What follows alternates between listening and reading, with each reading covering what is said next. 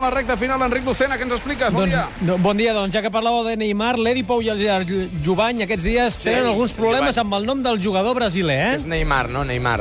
Avui és dilluns, el dia en què arriba Neymar. Sí, Neymar, Neymar. Neymar, perdó, no dir Neymar. Neymar. Què passa? No et cau bé Neymar? Jo no tinc cap Neymar. problema. Queda A clar? veure, Neymar és un mundial, Neymar. La penjat a Instagram, la foto, Neymar, Neymar. El jugador ha dit en roda de premsa que ell es diu... Neymar. Nosaltres diem que la fórmula és Mascherano. Nosaltres hi direm Mascherano.